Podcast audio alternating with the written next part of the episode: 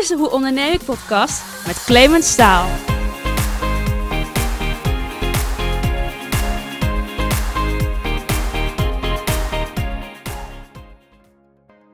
Welkom bij weer een nieuwe aflevering van de Hoe Onderneem ik podcast. Je bent jong. De hele toekomst ligt nog voor je, maar door een strafblad kom je niet aan een baan. Je bent gewend om snel geld te verdienen waar anderen soms meer dan een maand voor moeten werken. Nou, dat dilemma vormt de basis voor Strijder. En vandaag heb ik een gesprek met Martine Kroeze. En Martine heeft Strijder opgezet om jongeren die met justitie in aanraking zijn geweest de kans te bieden om als ondernemer aan de slag te gaan. Voor deze podcast zat ik een paar uur in de Baaiers in Utrecht, waar ik een aantal van deze jonge strijders sprak en vervolgens met Martine in gesprek ging over Strijder, ons rechtssysteem en natuurlijk ook over ondernemerschap.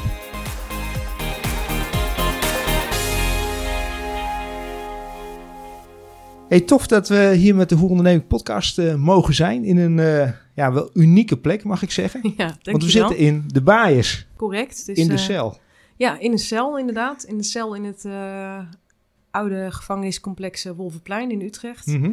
Een van de oudste gevangenissen in Nederland. Niet meer in gebruik, Ja, ehm, maar... eh, nou ja, niet meer op die manier in gebruik. Nee, niet meer strafrechtelijk in gebruik, laat ik het zo zeggen. Maar er wordt nu gebruik gemaakt eh, van de locatie door allerlei eh, creatieve organisaties. Ehm, en voor onze organisatie was dit natuurlijk de uitgelezen plek om, om ja, ook actief te zijn. Ehm, dus vandaar dat wij dit heel fijn Ja. vinden om, hier, eh, om hier te zijn. Ja, Ja, tof. We zitten hier in een cel van, wat zal het zijn? Twee bij drieënhalf ongeveer? Ja, meestal zoiets? is het 2,5 bij uh, ja, 3, 4 zo. Ja. Met de standaard uitrusting. Hè. We hebben dat ook nog bewust laten zitten. Hè. Dus eh, achter jou zit Ja, de toiletpot staat hier recht achter ja, me. Ja, precies. En ja, de gebruikelijke kledingkast. en normaal gesproken zou naast jou het bed zijn richting Ja. Het raam. En dan aan het raam een klein bureautje. En je ziet twee prikborden waar je dan eh, post en fotootjes op kon hangen. En ik moet zeggen, dit is eh, een van de oudste gevangenissen in Nederland. Maar dit, is, dit lijkt eigenlijk nog wel heel erg op wat je in de nieuwe gevangenissen Ja, ook ja. ziet. Afgezien van het feit dat in volwassenen nu vaak twee personen eh, op een cel geplaatst worden. En we zitten hier bij, eh bij Strijder. Ja, dat klopt. bij ja. Strijder. En ehm, voor de luisteraar, waar zouden we Strijder van moeten kennen of kunnen kennen? Ehm, nou, dat, dat is misschien een beetje dubbel. Aan de ene kant, het, het woord strijder wordt door jongeren vaak gebruikt om eh, iemand aan te duiden die alles doet om te overleven. Dus het is eigenlijk een woord wat uit de straatcultuur komt. Ehm, maar eh, strijder zelf is eigenlijk sinds vorig jaar eh, actief om bedrijfsleven te gaan betrekken. En vorig jaar is dan 2019 in Ja, dit geval? Ja, 2019 mei. Zo ongeveer, ja, januari waren we al bezig, maar in mei officieel opgericht. Eh, met de doelstelling om eh, de twee werelden, hè, dus jongeren met, met een kwetsbaarheid of, of een bepaalde achtergrond in detentie of jeugdzorg plus, weer dichter bij de normale maatschappij tussen aanhalingstekens te brengen. Ehm, eh, en dat willen we eigenlijk doen middels ondernemerschap, bijvoorbeeld. Ehm, dus vorig jaar zijn we eigenlijk gestart met betrekken van bedrijfsleven bij deze jongeren. In de zin van hoe gaan we dat ondernemerschapsonderwijs vormgeven voor deze kids. Ehm, maar ook in de zin van voorlichting geven aan professionals en, en andere jongeren. Om vooral niet ja, dezelfde keuzes te maken die onze jongeren hebben gemaakt. Dus dat is eigenlijk wat, eh, waar wij nu mee bezig zijn. Ja. En je zegt eh, wij gestart. Eh, Ja. Jij komt uit eh, sociale hulpverlening, die hoek? Of- Nou, mijn vader wilde ooit dat ik rechten ging studeren. Dat heb ik braaf gedaan, maar dat heb ik natuurlijk niet afgemaakt. Zoals Oké, 9 zoals van de goed 10. student betaamt. ja, zoals een goed rechtenstudent betaamt, inderdaad. Ehm, dus toen ben ik 20 jaar geleden voor mezelf begonnen met workshops en trainingen. En een van de eerste vragen die ik toen kreeg was: zou je een workshop willen geven in de jeugdgevangenis? Oh, oké. En ik dacht, nou ja, waarom niet? Weet je, het zijn kinderen, 13 tot 18 jaar, nou prima. En ik weet nog goed dat ik daar kwam en dat ik dacht, wauw, prikkeldraad met scheermesjes, ehm, piepvrij door een poortje. eh, in een ruimte staan waar achter jou de deur dichtvalt en voor jou de deur niet open gaat. Ja. Ik vond dat heftig en ik dacht, ja, we hebben het eigenlijk over, weet je, 13 tot 18 jaar, we hebben het nou eigenlijk over. Hè? Ehm, en toen ging ik ze lesgeven. En ehm, ja, dat was een hele, hele bijzondere ervaring eigenlijk voor mij. Eh, ik kwam eh, eh, als programmamanager bij Universiteit Nijrode vandaan. Dus lesgeven en, en, en het onderwijs, dat, dat, dat, dat deed ik eigenlijk al langer. En welke leeftijd had je zelf op dat moment ongeveer? Ik was toen 26. Oké, best jong nog. Ja, dus ik kom daar binnen en ze zeiden tegen mij van... nou ja, ga ervan uit dat dit de meest ongemotiveerde doelgroep is die je ooit gehad hebt. Dus ik denk, oké. Nou, goed. Dus ik kwam dat les- leslokaal binnen en ik zie daar acht jongens zitten van een jaar of 16... eh, met hun hoofd op hun armen. Echt zo van, nou, het zal mijn tijd We wel duren. zijn. Ja. dus ik kijk zo. Ik denk, nou, we hebben er zin in. Maar ik vond het zelf ook nog wel vroeg. Dat kan ik me herinneren. Het was iets van half negen. En ik moest zelf ook heel vroeg mijn bed uit. Dus ik was ook wel een beetje moe. Dus ik ben echt begonnen met... eh, Goedemorgen, zijn we wakker? En die jongens keken naar mij echt zo van, pardon? Dus ik zei ook van, nou jongens, ik nog niet. Ik neem nog even een kopje koffie. En dat zorgde eigenlijk wel voor een beetje een rare situatie. ja, dat er wat, wat humor ontstond. Ehm, en aan het eind van de les zaten ze allemaal met hun vinger omhoog om nog vragen te stellen. En dat is toch een soort kick voor mij geweest. Dat ik ze zo gekregen heb van het hoofd op de armen naar overeind zitten. Naar uiteindelijk ook je vinger in de lucht steken. De wens om wat te leren. Ehm, dat vond ik heel, heel vet. Dat ik dacht, wauw. Nou, en dan ben je volwassen onderwijs gewend. Eh, je hebt zelf eh, een schoolcarrière gehad. eh, en dan, dan is dit toch wel de doelgroep die er eigenlijk voor zorgt dat je zo wordt teruggeworpen op jezelf. Ehm, want deze kinderen hebben een neus voor authentiek zijn. Hè? Mhm. Dus als je daar gaat staan, je bent niet echt, dan val je zo keihard door de mand. Ja. Ehm, of jij een docent bent, of nou ja, wat voor persoon met autoriteit dan ook, is voor hun totaal niet interessant. Dus als je wilt dealen met deze doelgroep, dan zal je dat echt vanuit je eigen authentieke leiderschap moeten Ja. kunnen doen. Dus ik vond dat een kick. En ehm, dat is gebleven. Dus daarna ben ik, eh, eh, ik was zelfstandig geworden. Ik, ik deed allerlei dingetjes eh, voor mezelf, in bedrijfsleven veel. Maar iedere keer als er dan de vraag kwam vanuit de jeugdgevangenissen om daar weer les te gaan geven, ja, dan vond ik dat toch wel weer dat ik dacht, ja, dat ga ik doen. Ja, het gaaf is, je bent 20 jaar verder, maar ik zie nog steeds wel eigenlijk die sterretjes in je ogen als je ja, erover ja, praat. ja, het is, het is, maar dat, dat blijft ook. En het is iedere keer weer diezelfde challenge. Vreten ze je of niet? Mhm. Gaan ze je accepteren? Gaan ze iets meenemen van je? Gaan ze luisteren naar je? Eh, ga je die interactie krijgen? Ehm, eh, en krijg je ze in beweging? Maar, maar waarom dan niet bijvoorbeeld het reguliere onderwijs? Wat maakt dat Heb ik ook dit... gedaan. Oké, Heb ik ook gedaan. maar dit heeft wel je voorkeur begrepen. Ja, absoluut. Ja, want die challenge is veel hoger. Kijk, in, in het reguliere onderwijs, ik ben op een gegeven moment inderdaad gevraagd voor een ROC in, in, eh, in Gelderland of ik daar eh, wilde eh, lesgeven in ondernemerschap Ja, ook. Ja. Ehm, die hadden daar ook een, een grote klasse. Ja, vooral allochtone jongens op dat Mhm. moment waar ze, wat ze moeilijk vonden. En waarvan ze zeiden, ja, we krijgen ze eigenlijk niet goed gemotiveerd. Ehm, jij hebt ervaring met dit soort eh, jongens hè, en, en met die achtergronden ook. We weten niet zo goed Ja. waar we rekening mee moeten houden. Wil jij ons ondersteunen, eh, zodat we dat, dat aanbod voor hun ook dusdanig passend kunnen maken, zodat ze dat toch weer interessant gaan vinden. Nou, dus de week nog dat ik daar kwam en ik verwachtte nogal wat, want ik dacht, ja, in de bias heb je natuurlijk 8 tot 12 jongens in zo'n klas. Ik denk, hier krijg ik er 24. Hè? Hoe ga ik dat Ja, doen? Dus ik weet nog dat ik toch wel een beetje gespannen die eerste les inliep. En ik ging die les binnen en ik ging me installeren in dat lokaal. En ik zie die jongens binnenkomen. En ik zat echt te denken, waar zijn ze? Weet je? ze? Ja, waar, waar blijven ze? Waar blijven de, de, de harde jongens die ik gewend was? Ja. Nou, dat viel dus Ja. reuze mee. Ehm, en dat was eigenlijk ook wel een hele leuke tijd. Maar heel anders, omdat je daar toch... eh, ehm, de mentaliteit van die kinderen daar eh, was toch anders. Je had natuurlijk wel één of twee in de klas zitten met Mhm. een dergelijke mentaliteit die ik binnen justitie ook gewend was. Maar in justitie is dat de hele klas. Ja, Hè? ja. Ehm, en ik vind, eh, er is zo'n oud gezegde, dat, dat wordt vaak gezegd, hè, van ze zitten hier niet voor zweetsokken, eh, als het Ja, dan gaat ja. over... en dan denk ik, ja, dat is wel zo. Maar aan de andere kant, vaak is er ook zoveel aan de hand geweest in het leven van zo'n jongere... Ehm, dat ze eigenlijk alle vertrouwen in alles en iedereen zijn kwijtgeraakt. Ehm, dus ze zijn gewend om op zichzelf te bouwen eh, als het gaat om, om, om ja, overleven of, of jezelf redden. Mhm. Dus ja, dan willen ze toch eerst wel even weten wie jij bent. Ja, Om wat tegen. Ja, hè, hoezo, wie ben jij om iets tegen mij te zeggen? Ehm, en het tweede is ook, wat heb jij te melden waar ik wat aan heb? Hè? Ehm, What's in it for me? ja, heel Ja. erg. Heel Ja. erg. En dat is eigenlijk wel een hele mooie les die ik ook van deze jongeren heb geleerd. Want je kan zeggen, eh, het is onbeschoft om geen tijd te willen besteden aan iemand waar je niks van meekrijgt.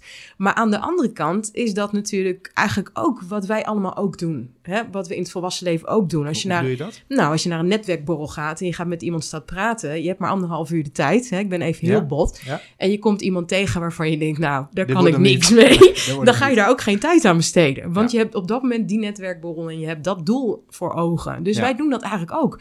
Alleen wij doen dat heel erg ja, sociaal wenselijk of mooi aangepast of met een soort vriendelijk sausje. Monsieur. En ja, en dat hebben deze jongens geen last van. Weet je wel? Dus, dus je moet heel concreet zijn, heel duidelijk. Ehm, en voor hun ook heel duidelijk aangeven van, van wat schiet ik hiermee op? Mhm. Hè, als ik bij jou ben, wat schiet ik hiermee op? Ja. En soms kan het gewoon zijn een gezellig uurtje, hè, dat je even je zorgen kunt vergeten. Mhm. Eh, soms kan het zijn een beetje humor. Eh, soms kan het eh, eh, zijn eh, eh, iets, iets delen met elkaar. Mhm. Ehm, maar als het gaat om echt iets willen leren, ja, dan, dan zul je dus ook echt eh, moeten laten zien van oké, wa- wat, ja, wat word ik daar beter Ja. van?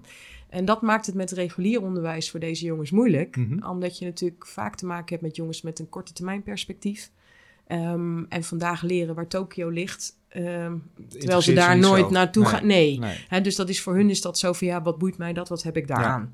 Hè, eh, goed, goed leren rekenen, zodat je je winstmarges kunt berekenen als je buiten wat verkoopt. Dat is misschien wat interessanter. Ehm, dus die link leggen naar hun dagelijkse praktijk in wat Ja. je doet, ehm, is, is wat dat betreft altijd wel een uitdaging. En ja, inderdaad, het is nu twintig jaar geleden, maar ik vind het nog steeds leuk. Ja, nog steeds toch zit ik heel even te denken, want ik eh, ben zelf dan eh, sinds een paar jaar docent. Eh, dan lees ik een boekje en daar staat dan in van ja, hoe ga je met, met de doelgroep zeg maar om.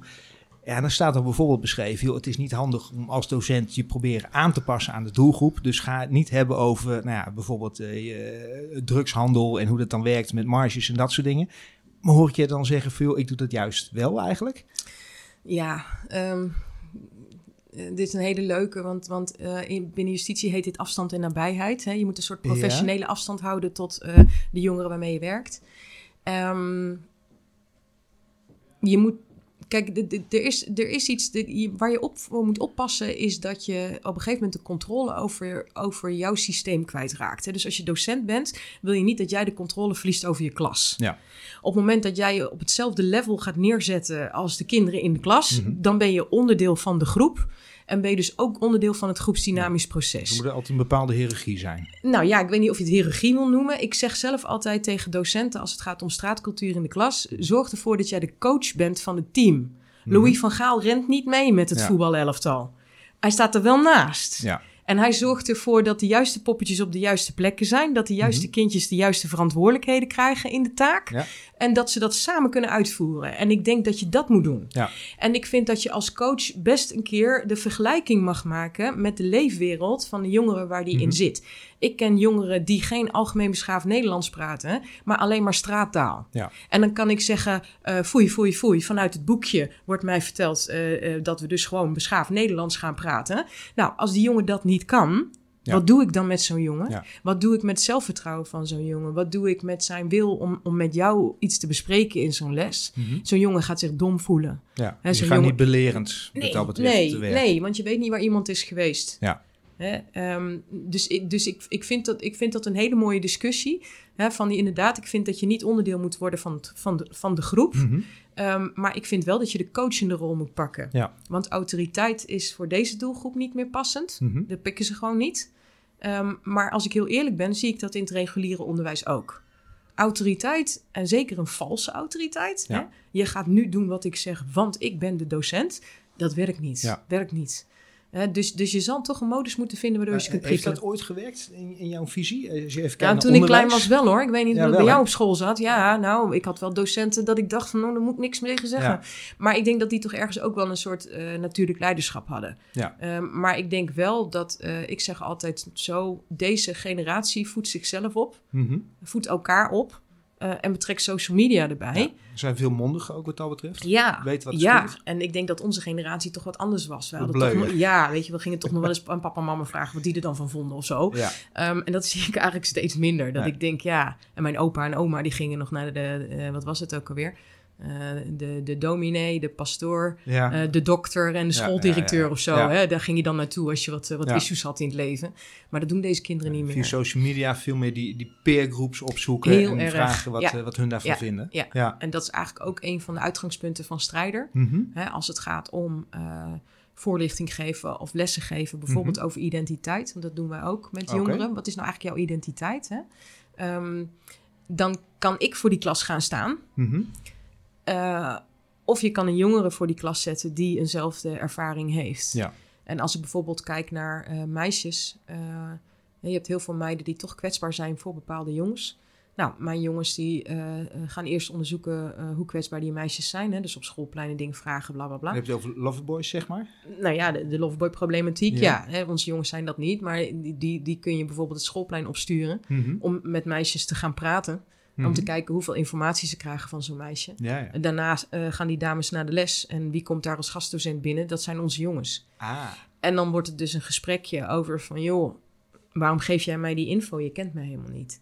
Ehm, en ik denk dat dat ook beter Ja. aankomt dan wanneer je als docent zegt... waarom geef je aan die jongen je nummer? Je kent hem helemaal niet. Ja. Dat werkt niet. Ja. Dus, dus je probeert heel erg in die zin... Hè, als je dan kijkt naar, onder, naar strijder als, als onderneming... Mhm. het product wat wij brengen is eigenlijk heel erg peer-to-peer kennis overbrengen. eh, als het gaat om, ja, denk ik, gevaarlijke situaties in, eh, eh, in onze samenleving op dit moment. En Ja. wat zijn dan precies de, de activiteiten van strijden? Want ik zie, wel, ik zie kleding, merchandise-achtig. Ja, jullie geven les op school. Ja. Eh, wat zijn precies dan de activiteiten die jullie doen? Ja, nou, ik denk dat je het daar aardig hebt. We hebben gezegd, we willen graag een brug gaan bouwen Ja. hè, tussen die twee werelden. Mhm. Ehm, want er wordt vaak gezegd dat als je uit detentie komt, dat je een tweede kans krijgt. Nou, die krijg je niet. Ja. Eh, want iedereen roept wel dat iedereen een tweede kans verdient, maar dan liefst bij de buurman. Ja. Hè, dus niet bij jou, als het maar bij de buren is, dan is het goed. hè? Mhm. Ehm, dat houdt concreet in dat op het moment dat eh, een van mijn jongens solliciteert ergens, ook al is hij de beste kandidaat voor de job, Ja, met zo'n verleden. bedrijf. Ja, Ja. precies. Ja. Hè, dat gaat onderaan de stapel. Dus, dus we hebben ook het idee, de problematiek is Mhm. genoeg bekend bij onderwijs en zorg. Mhm. Ehm, maar die zou veel meer bekend moeten zijn ook in het bedrijfsleven. Ja. Hè, dus daar willen we bruggen in bouwen. Nou, hoe- je hebt het trouwens telkens over wij, maar wie is wij? ehm, nou, eh, ik ben, jij dit begonnen? Ik ben ermee begonnen samen. eh, Ja, nou ja, eigenlijk vijf jaar geleden al heb ik een onderzoek gedaan naar de haalbaarheid van eh, onderwijs op ondernemerschap voor deze doelgroep. Oké. Ehm, omdat deze doelgroep natuurlijk niet met autoriteit kan omgaan, heeft geen fatsoenlijk cv, kan geen VOG krijgen, maar Mhm. heeft wel ondernemerskills. Ja. Maar krijgt daar geen onderwijsaanbod op. Want dat zit in eh, het voortgezet speciaal onderwijs eigenlijk niet zo ingebakken Mhm. als in alle andere vormen van onderwijs. Ik zie al ondernemerschap op kleuterscholen gegeven Ja. worden. Maar mijn jongens krijgen dat niet. Ja, het terwijl, is ook steeds iets meer van de, van de afgelopen vijf jaar, denk ik, Ja. dat dat steeds meer terugkomt. Ja, klopt. 21st Century Skills hebben natuurlijk een intrede gedaan. Dus ik heb daar toen vijf jaar geleden een onderzoek naar gedaan. Omdat ik dacht, verdorie, als ik kijk naar dat mbo, Mhm. waar ik ondernemerschap heb gegeven... Ja, dan kunnen die kinderen mij heel goed uitleggen wat een social media plan is. ja. Ehm, maar risico-inventarisatie, dat, Geen idee. nee. Nee. Heel snel berekenen wat je winstmarge is. Mm, Geen slecht. idee. Nee. Eh, een eh, verkoopsignaal opvangen van iemand. Eh, nee. Hè? Dus daar moet je met die kinderen, met die kinderen moet je heel erg aan die soft Ja. skills gaan werken.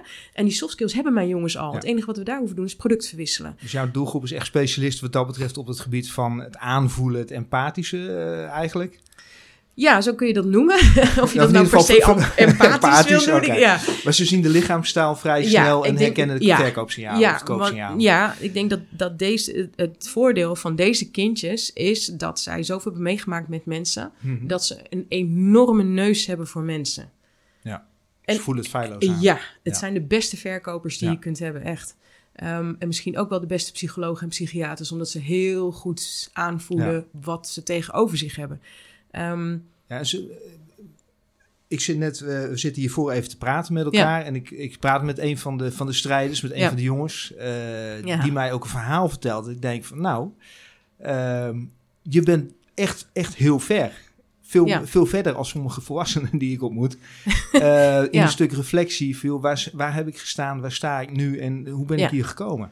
nou, dat, dat is ook zo. Kijk, en als je. ehm, eh, en je vroeg mij net wie is we. Mhm. Ehm, ik heb het opgericht vanuit die gedachte en die behoefte van, van onderwijs. Ja. Maar ik heb er vervolgens wel allemaal jongeren bij betrokken waarvan ik dacht, die kunnen dit ook neerzetten. Oké. Ehm, en wat jij net geconstateerd hebt, als je een leventje hebt geleid zoals deze jongeren hebben geleid, word je heel snel volwassen. Ja. Want als je Ja. niet oplet, ben je er morgen niet meer. Zo simpel is het. Dus je gaat op een andere manier nadenken over het leven. Mhm. eh, en over kansen die je geboden Ja. worden in het leven. Ehm, dat zijn allemaal plussen. De min, die heb je net ook gehoord, is die korte termijnvisie. Ja. Hè?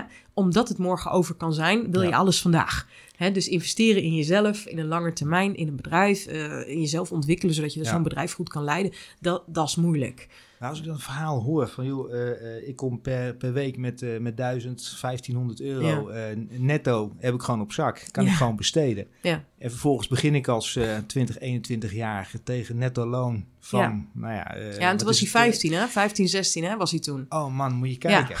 Ja, Ja, dat kijken. dat is een salaris van maand 6000 minder euro doen. in de maand, eh, zeg maar. ja, eh. bizar. ja. Maar dan geven ze toch bijna geen ongelijk dat ze eh, in ieder geval voor het snelle geld gaan. Ja, nou ja, maar dat is natuurlijk ook het probleem.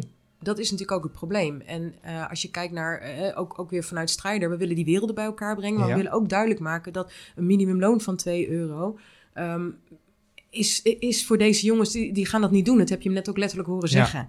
Ehm, wij hebben de gedachte dat, dat er eigenlijk twee eh typen, als we het vooral over de jongens nu hebben, Mhm. hè, twee typen jongens eh, eh, zien. Wij noemen dat de harde en de zachte jongens. Ja? De harde jongens zijn jongens die uit een omgeving komen waarin het financieel zwaar is. Mhm. Hè, dus waarin ook van hen verwacht wordt door bijvoorbeeld familie dat ze bijdragen. Hè, Ja. Dat heb je net ook gehoord. Ja. Hè? 13 jaar gaan we op zoek naar een baantje. Ehm, en we hebben eh, wat wij noemen de zachte jongens, die, die ja, heel erg denken over hun identiteit. Wie ben ik nou eigenlijk? Waar wil ik bij Zijn horen? dat de meelopers inderdaad? Ehm, ja, maar dat kan wel uitgroeien tot weer een zware jongen ook. Ja. Hè, maar eh, eh, een, ja, die jongen die, die, die hier vandaag niet is, ehm, hè, die met, met een zwaar detentieverleden, die, Mhm. die zegt ook van eh, toen ik acht was, zag ik grote jongens in de wijk. En ik schopte expres mijn voetbal richting hun, want ik vond hun stoer. Ik wou contact met hun. Ja. Nou, toen gaven ze me mijn, mijn eerste blootje. Nou, dat vond ik leuk. Acht, hè, kun je nagaan. Ja, bizar. Ja. Eh, en zei, maar ja, toen ik eh, daarna nog een keer ging vragen, toen zeiden ze tegen mij, ja, daar moet je voor betalen, pannenkoek. Ja, en toen ging ik maar mee eh, inbreken en zo. En dan kreeg ik dan 50 euro voor. En hij zei, ja, ik voelde me het mannetje. Maar als ik nu terugkijk, dan hebben ze duizenden euro's daarmee. En ik ben degene die naar binnen Ja. ging. Ik ben degene, hè, dus, Ja. dus, nou ja, maar daarna heeft hij natuurlijk zelf wel weer dingen gedaan, waardoor hij uiteindelijk een harde jongen wordt. Ehm, nou, Maar ja, goed. 50 euro voor een, voor een inbraak op die leeftijd. Of, eh Ja, of weet je 2 hoeveel dat is? zakgeld per week. Ja, hij zei ook van, ik keek al uit naar wat het volgende cadeautje was in het Happy Meal. Nou, dan denk ik met 50 Ja, euro bizar. kan je aardig wat Happy Meals kopen, weet je wel. Dus ja, en dat is dan, dat is dan een beetje de realiteit. Hè? Dus je ziet dat, dat de, de twee werelden eigenlijk steeds verder uit elkaar gaan. Ja. Hè, want je ziet, eh, vroeger eh, was het niet zo dat een jongetje van acht ging dealen op straat. Nu Mhm. lopen ze met acht, lopen ze met drugs op straat, zijn ze aan het dealen. Ehm, dat is de realiteit van vandaag.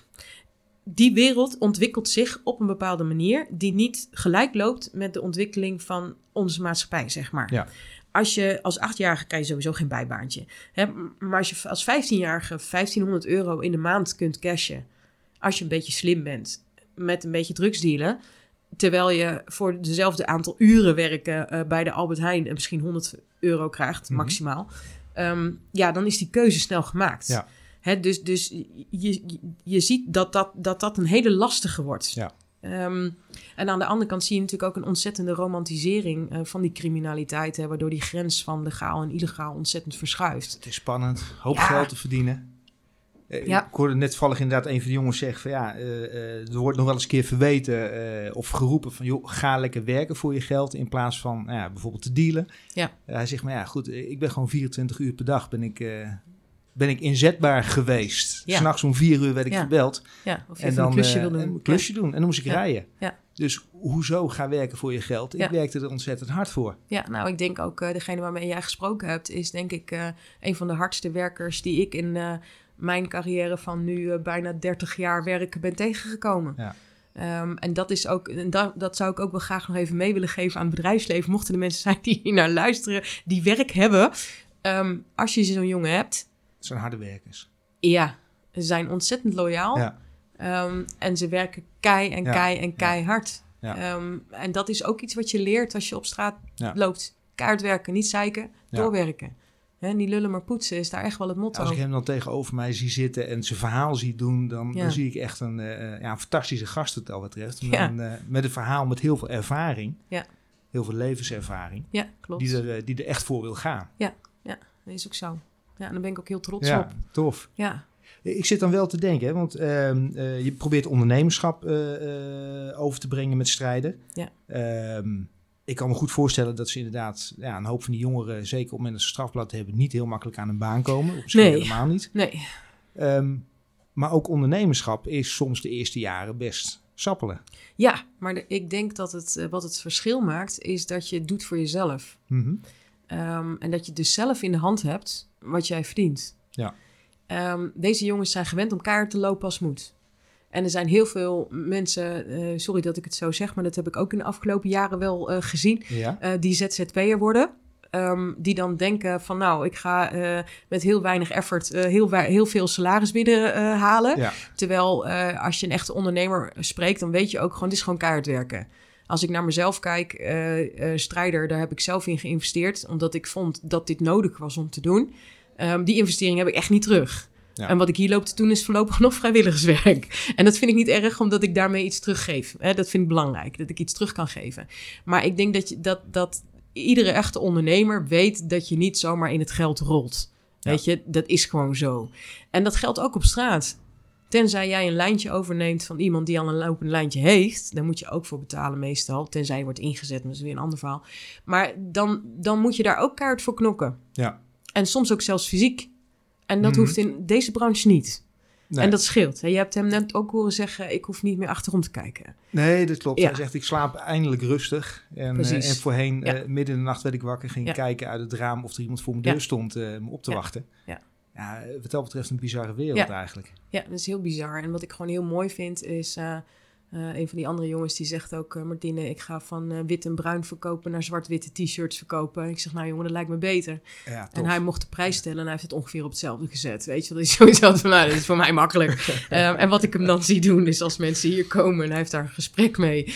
En hij vindt dat het niks oplevert. Hè, want daar is hij dan, hè, dit- dat, dat, dat, dat, die kansen. Gedreven. Ja, ja, Ja. Die, die, die, die, die mentaliteit die zit daarin. Ehm, en dan zie ik hem gewoon t-shirts verkopen. ehm, aan, aan die mensen. Hè? Mhm. Want we krijgen heel veel mensen op bezoek die, die, die, die ja, graag willen praten of zo. Ehm, maar in zijn beleving levert het dan voor hem niks op. Ja. Hè? Of voor strijder levert het niks op. Mhm. En dan zie je hem eigenlijk gewoon die laatste vijf minuten gewoon zo iemand nog een t-shirt eigenlijk- ja, prachtig. En de eerste keer dat ik dat zag, toen moest ik daar zo vreselijk om lachen. Ja. Want dat was ook eh, ja, een hele oudere mevrouw. Ik denk dat ze 60, 65 was. Ik denk, wat moet die met zo'n shirt van ons? Weet je? wel? Dus ik moest zo lachen.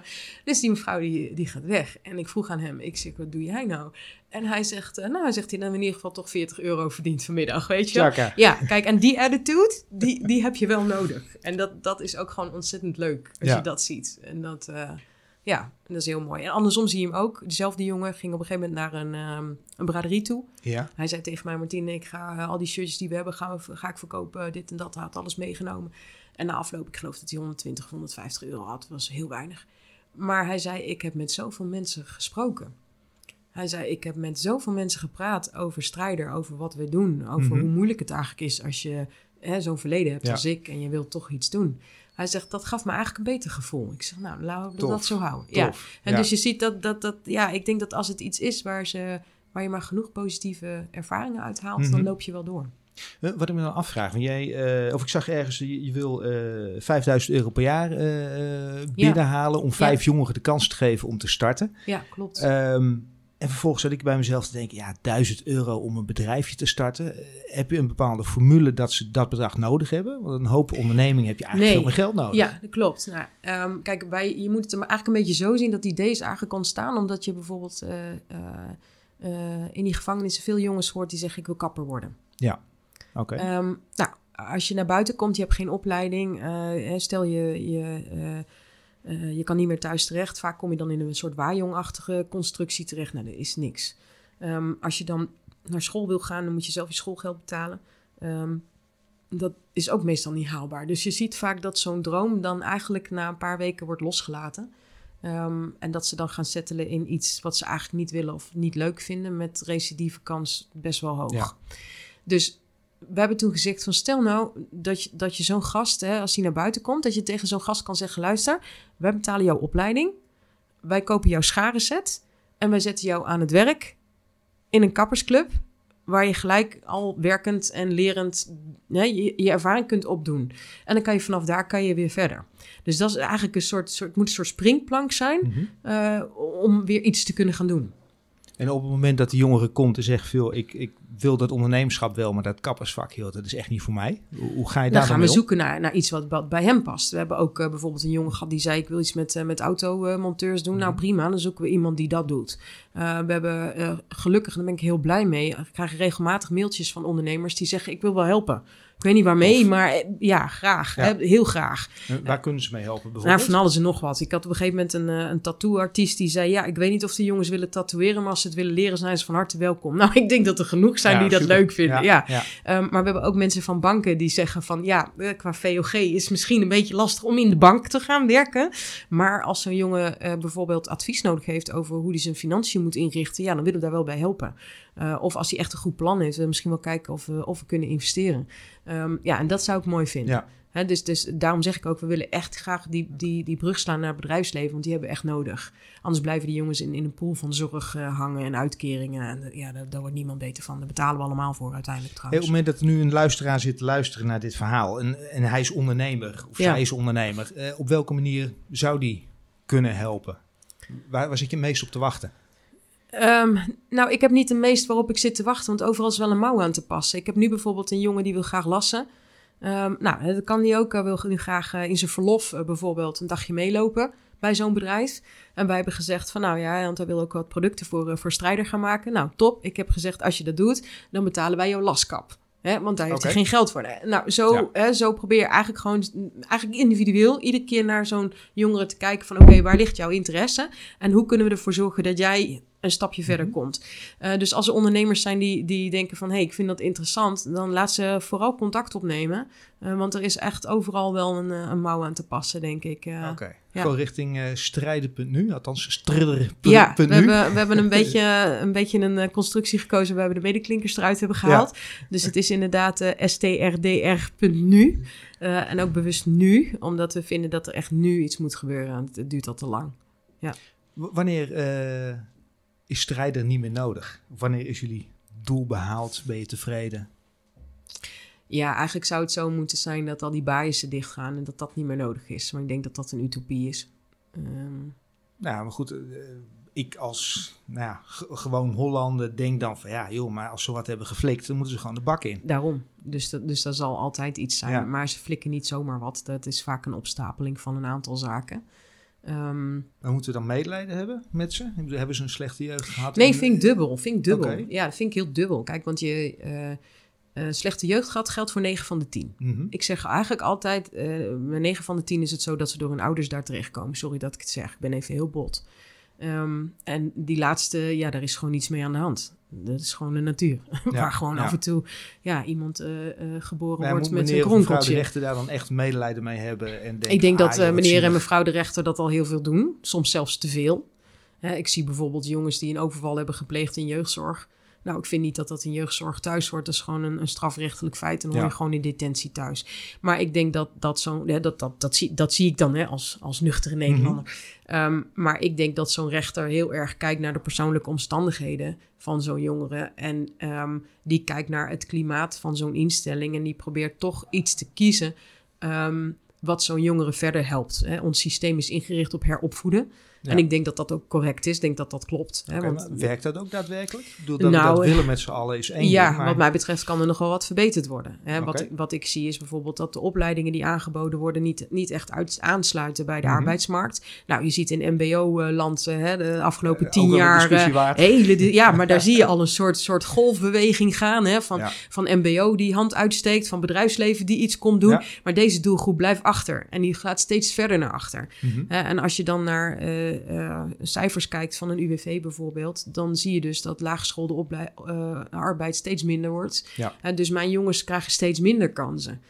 Dus ik, ik ben nu heel erg aan het pleiten voor bijvoorbeeld eh, opleidingen digitaal. Hè, in, in, eh, in, in zo'n instelling. Laat die jongens in godsnaam leren hoe ze web moeten bouwen, want dat is waar we naartoe gaan. Hè, neem ze mee in ICT, want dat, daar liggen de banen voor het oprapen. Ja. Eh, laat ze heftrucken eh, bewijzen krijgen, hè, want dan kunnen ze de logistiek in, waar ze ook zitten te springen om, om mensen. Dan, dan creëer je ruimte. Ehm, en ik zie dat dat in volwassen onderwijs al wel veel gebeurt. Maar ik vind dat jeugd nog wel wat slagen in te halen heeft, als ik heel eerlijk ben. Eh, en dat zou ik graag zien. En Ja. door wie zou dat aangepakt kunnen worden? Moet je eh, jeugdzorg dat doen? Moet eh, het gevangeniswezen dat doen? Ja, nou, dat, is, dat is heel interessant. Ja, nou, ik zou dat wel willen, maar dat kan niet in mijn eentje, want zo werkt het systeem niet. Ehm, en wat je ziet is dat in die instellingen moeten de zorginstelling en de onderwijsinstelling moeten heel nauw met elkaar samenwerken. En dat is soms best lastig. Hè, want je kan je ook voorstellen, kijk, ik kan wel roepen, laat ze ICT eh, doen, maar dat wil zeggen dat ze toegang krijgen tot internet. Ja. Nou, er zitten bijvoorbeeld zaken tussen waarbij jongeren geen contact mogen hebben met mensen. Die wil je dan ook geen internettoegang geven, want wie weet wat ze daar allemaal op doen. Hè? eh, dus aan de ene kant wil ik heel graag nieuwe kansen voor ze, maar aan de andere kant snap ik ook, ja, eh, als iemand vastzit voor het stalken van zijn vriendin tot weet ik veel waar, dan wil je niet dat zo'n jongen met een internetprogramma toch weer bij zo'n meisje uitkomt. Niet de- nee, Hè, justitie heeft in die zin ook de taak om, om de maatschappij te beschermen hè, tegen bepaald gedrag. Dus je, je loopt iedere keer op zo'n soort hele moeilijke lijn. En daarom heb ik ook gekozen van, eh, ik ga strijder opzetten buiten justitie. Hè, dus het is voor jongeren die uit die gesloten setting komen. Ehm. Omdat je dan de paden weer kunt gebruiken van de reguliere maatschappij. Dus het is opvang na dat justitiële traject. Ja, ja, Oké. ja, ja. Want eh, ja, daarbinnen is het gewoon heel moeilijk om, om, om dat soort dingen goed op te zetten. En we zijn er wel mee bezig hoor. Het is niet zo dat mensen dat niet willen. Mhm. Maar het is, het is wel heel, eh, ja, wat ik zeg, het is zo'n dunne lijn waar je op loopt. Het is Ja. niet zo makkelijk gedaan. En je hebt moeilijk. ervoor gekozen om strijder een, eh, een BV te maken en Ja. niet een, eh, een stichting. Nee, klopt. Ehm daar vertelde je daar kort net even iets Ja. over, want ze zijn al genoeg, eh, hoe noem je dat, geïnstitutionaliseerd. Ja, ja, zoveel hulpverleners gezien. Dat, dat, nou ja, goed. de- daar sta je soms van te kijken. Ik kan me nog herinneren dat ik ooit tegen een jongen zei: Ga je netjes aankleden, want je krijgt bezoek. En hij keek me aan en zegt: Wie komt er op bezoek? Ik zeg: Je voogd. Dus ik denk, hij moet er netjes uitzien. Hè? Want ja, hè, zo'n voogd die heeft ja, wat, wat te, aanzien te of- zeggen over zijn toekomst. Dus laten we in hemelsnaam zorgen dat die jongen er goed uitziet. Ehm, en hij keek me aan en zei: Wie? Dus ik zeg nog een keer: Je voogd. Hij zo: Wie is dat? Dus ik zeg: Ja, dat, dat moet jij toch weten. Dus ik kijk op die lijst, ik zeg de naam. En hij zegt: Die ken ik niet. Ik zeg: Hoe kan het nou dat jij je voogd niet kent? Ik dacht: Die jongen die zit niet op te letten. Hè? Ik Ja, denk: ja, Hij neemt het niet serieus. En toen vertelde hij mij dat het al de vierde of de vijfde was dat jaar. Wauw. En toen dacht ik bij mezelf, ja, oké. Dan zeg ik nog tegen hem, ga je netjes aankleden. Voor wat eigenlijk?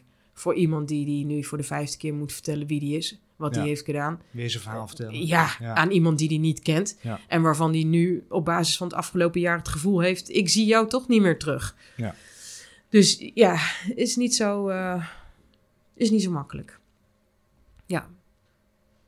Ik ben even kwijt waar jij mij nou net een vraag over stelde. Want die jongen kwam even in mijn hoofd. Ja, ik zit het denken. ging over het feit dat ze heel veel met stichtingen en dergelijke te maken Ja, hebben. precies. en De, hoeveelheid hulpverleners. Ja, ja, daar vond ik dit, dit inderdaad een heel mooi voorbeeld van.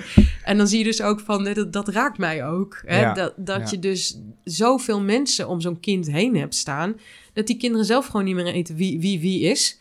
of wat ze voor hun moeten doen. Ja. Ehm, ja, dan ga je zwemmen. En dan denk ik, ja... Hè, dus, dus toen we hiermee begonnen... eh, heb ik ook tegen die twee jongens gezegd... waar ik toen mee ben begonnen... van we maken er een officiële BV van... Hè? eh, want stichtingen, ja, daar hebben jullie al genoeg gezien. Ehm, en dit is jullie BV. Jullie zullen aan de bak moeten, gewoon. Ja. Je komt niet hier om je handje eh, uit te steken, ehm, want dit is mijn geld. Hè? Dan Ja. zeg het even op zijn straat. Ja. En je eet mijn brood. Ja. En dus als je er wat op wil jij hebben... bent eigenaar, Ja. aandeelhouder. Ja, precies. Je eet mijn brood. Ja. Dus als je er wat op wil hebben, ga je lopen. Ja, en dat, eh, dat werkt. Oké, en komen Ja. deze strijders dan ook bij jou in dienst? Of hoe, hoe werkt dat? Hoe moet Nou je ja, dat zien? dat, dat kan, kunnen verschillende eh, constructies zijn. We hebben één jongen nu in dienst. Eigenlijk twee. Die jongen die, waar je net mee hebt gesproken. Mhm. Eh, en dan nog één. Ehm, die is eerst begonnen op basis van een proefplaatsing. Want die had toch wel een aantal jaren binnengezeten. Ja, en dan is het ook maar wachten van ja, dat werken, is dat wel wat voor jou? Ja. Vind je dit wel leuk? Ja. Want het klinkt wel allemaal heel leuk, maar is dit wel echt wat voor jou? Geen idee. En ik wilde toen per se een proefplaatsing, omdat ik dacht, ja, stel dat hij het niet leuk vindt, of dat hij niet volhoudt, of Mhm. dat hij toch iets anders wil, dan moet ik hem eruit zetten. Eh, dat wil zeggen dat hij geen baan meer heeft, geen inkomen. Ja, dan weten we eigenlijk al dat het weer de verkeerde kant op gaat. Dus ik Ja. wilde toen per se een proefplaatsing van drie maanden, zodat hij eh, eh, in ieder geval een vangnet zou hebben eh, met een uitkering op het moment dat hij mis zou gaan. Oké. En Ja. wat is dan het verschil tussen voor mijn beeld in de proefplaatsing en joh, hij wordt ontslagen en krijgt BW? Ehm, eh, dan staat de uitkering eigenlijk al klaar. Je krijgt gewoon een uitkering. En je, je krijgt een uitkering, maar gedurende drie maanden van die uitkering mag je werken. Dus die uitkering die loopt al. Ah, oké. Terwijl anders moet je hem aanvragen. Ja. En daar zitten weken tussen. En dan heeft zo'n jongen geen inkomen. Ja, en, en daar heeft hij genoeg andere Ja. mogelijkheden voor. En om dan weer naar iets legaals terug te gaan, is nog weer moeilijker. Dus ik had toen zoiets van, dat gaan we niet doen. We gaan zorgen dat er drie maanden uitkering gewoon is. Mhm. Binnen die drie maanden ga je hier maar snuffelen. Ga je maar kijken of je het leuk vindt. Mhm. Nou, ik vond het heel leuk. Dus dat hebben we omgezet in een, eh, in een dienstverband. Ehm, en eh, nou, we hebben dan nu nog twee die, eh, die stage lopen.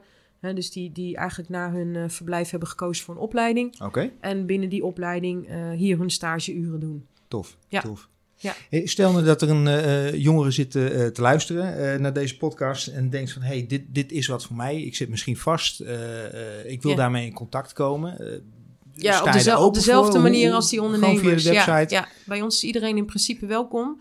Ehm, we hebben een aantal huisregels, daar moet je aan, aan houden. Als je dat niet, knikken we je eruit, hè Mel?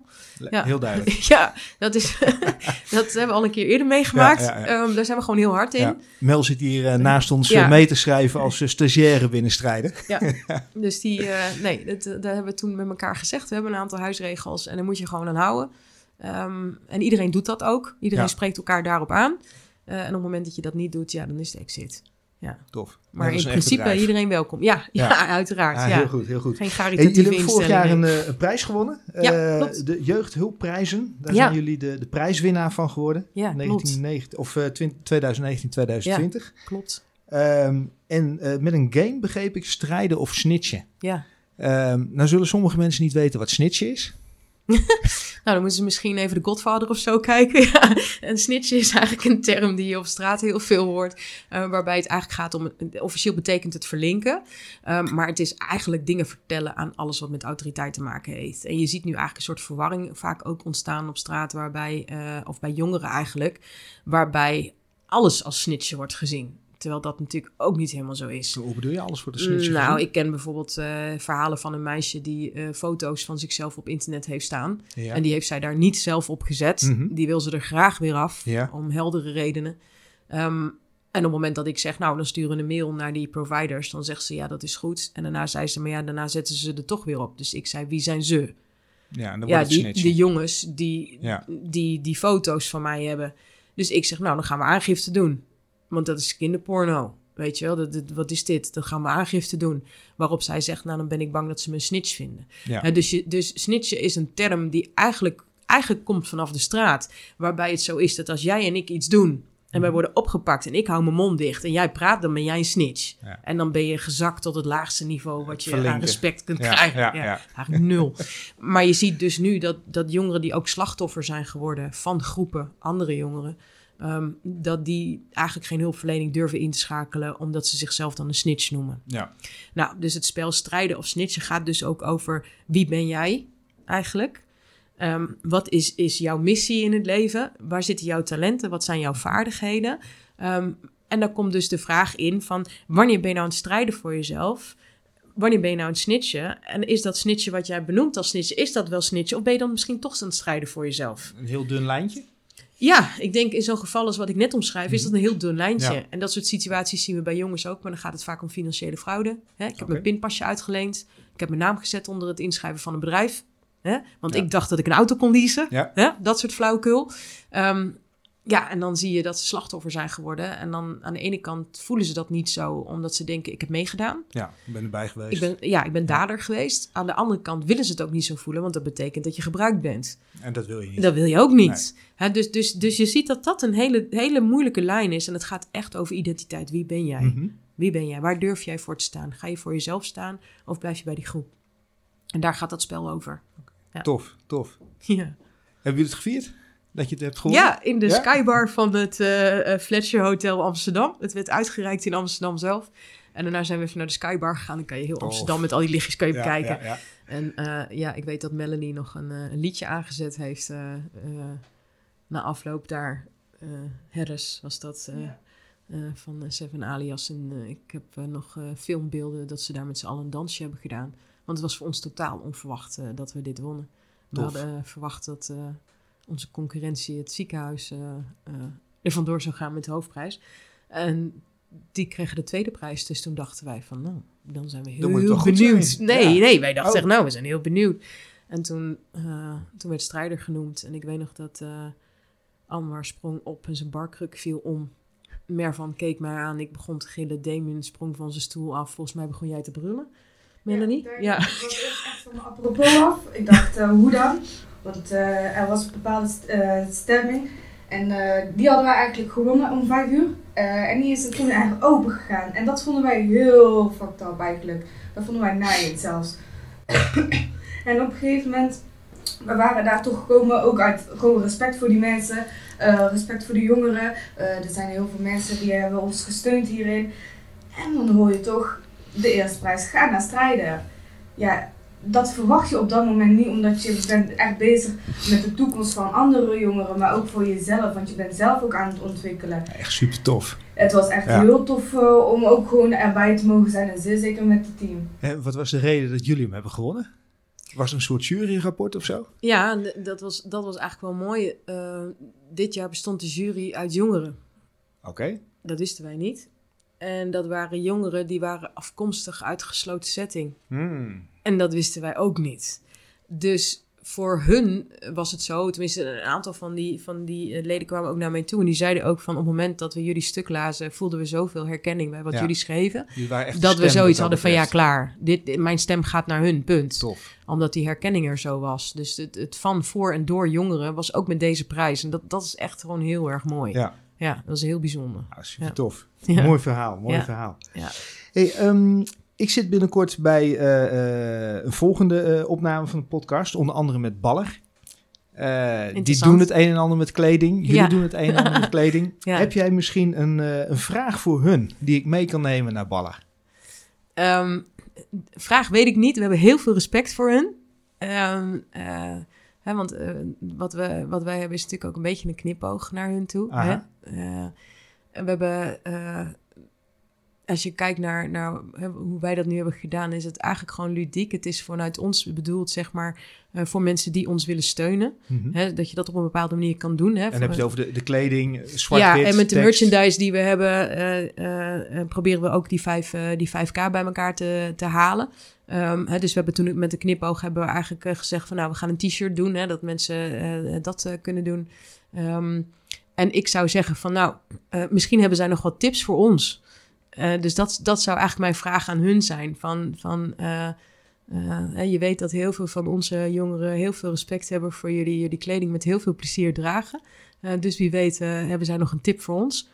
Tof. Of misschien willen ze een keer een gastcollege geven. Dat zou ik ook echt super vet vinden. Als Een gastcollege via strijden. Ja, als dat zou kunnen aan jongens in de baas. Ik zou dat fantastisch vinden. Nee, als ik zit even de eigenaar Jules Manders en ik ga het vragen. Ja, ik ga nou, het dat vragen. zou, Wie zou weet, super zijn. En dan eh, zou komen super we zijn. daarop terug. Zou super zijn. Ja, top. Ehm, als laatste afsluitende vraag. Heb je nog iets wat ik niet heb gevraagd waarvan je zegt van joh, maar dat wil ik echt nog wel meegeven? Over ondernemerschap misschien of misschien over deze doelgroep nog? Ja, er is, er is zo ontzettend veel wat je dan eigenlijk nog, nog zou willen zeggen. Ehm, als ik naar mezelf kijk, ik ben eh, vanaf Nijrode rechtenstudent. Ik ben lid geweest van het koor. Toch een bepaalde eh, eh, onderdeel van onze maatschappij. Ben ik eigenlijk steeds meer te weten gekomen over dit deel van onze wereld. Ehm loop daar twintig jaar in rond. Ik zie dat er weinig verandert ik vind echt dat we als bedrijfsleven hier echt iets mee moeten. Uh, dus de ondernemers zijn veel sneller in schakelen, veel sneller in problemen oplossen, zien veel sneller waar de mogelijkheden zitten. Ja, dus ja. alsjeblieft, denk met ons mee. Um, vorig jaar heb ik zelf gedacht, ik ben nu in de positie om iets te doen. Ik ga de wereld niet redden in mijn eentje. Um, maar mijn vraag zou ook aan iedereen zijn: van als je in staat bent om iets te doen, doe dat iets. Ja. Jij doet nu vandaag dit iets door ons deze mogelijkheid te geven. Mhm. Um, en dat, daar ben ik heel blij mee. En dat ontroert mij ook, omdat ik echt vind dat deze jongeren mooie kansen verdienen. Dus als er mensen luisteren die denken: ik wil ook iets, Ja. dan laat ze zich alsjeblieft melden. Want met al die ietsjes bij elkaar kunnen we echt iets doen. Tof. Strijder.nu. Ja, strdr.nu. Want anders gaan Hartstikke we de kant op. Hartstikke goed. Goed. Martine, onwijs bedankt. Ja, jij ook. Wel bedankt. Wat mogen velen van ons toch blij zijn met de plek waar ons wiegje stond. En blij zijn dat we de juiste vrienden hadden en wellicht ook een hoop verleiding konden weerstaan. Er zitten zo'n 5000 jongeren in detentie in de leeftijd van 18 tot 25 die straks niet makkelijk aan een baan kunnen komen, maar die wel verder moeten. En hoe tof is het dan dat ze de skills die ze eigenlijk op straat al hebben geleerd, nu kunnen aanwenden om voor zichzelf een normaal bedrijf op te zetten en zo ook op het juiste pad te blijven. Hoe tof is het dat iemand zoals Martine hun lot aantrekt? Zeg jij nou van joh, ik wil eigenlijk wel meer weten of ik wil een bijdrage leveren in de toekomst van deze jongeren? Ga dan naar strijder.nu. Dat is strdr.nu en bestel in de webshop de shirts die daar liggen te wachten op je en draag op die manier ook jouw steentje bij. Nou, dit was het voor vandaag en hopelijk heb je het waardevol gevonden. Ik ben ook heel erg benieuwd wat jij vond van deze podcast, dus laat vooral even een comment of een review achter op de plek waar je deze podcast hebt gevonden. En tof ook als je deze podcast deelt of anderen hierop wil attenderen. En wil je er geen eentje missen? Klik dan even op abonneer of op volgen. En wil je in contact komen, dan kan dat via de bekende kanalen zoals LinkedIn of via info@hoeondernemik.nl.